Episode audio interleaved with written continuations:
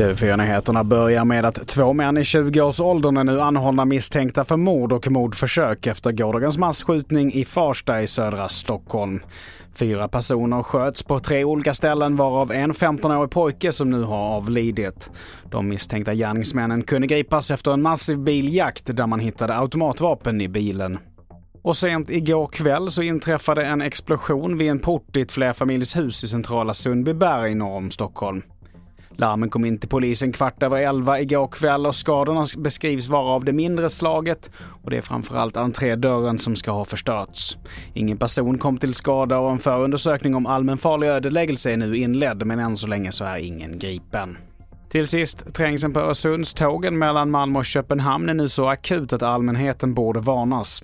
Det anser pendlare på sträckan.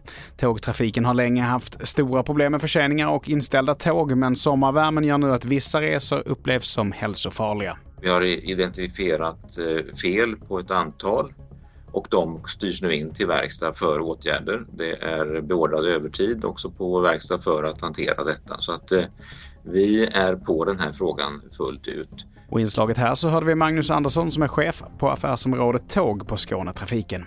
Fler nyheter hittar du på tv4.se. Jag heter Mattias Nordgren.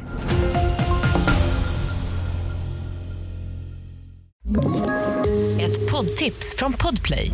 I fallen jag aldrig glömmer djupdyker Hasse Aro i arbetet bakom några av Sveriges mest uppseendeväckande brottsutredningar går vi in med hemlig telefonavlyssning och, och då upplever vi att vi får en total förändring av hans beteende. Vad är det som händer nu? Vem är det som läcker? Och så säger han att jag är kriminell, jag har varit kriminell i hela mitt liv men att mörda ett barn, där går min gräns.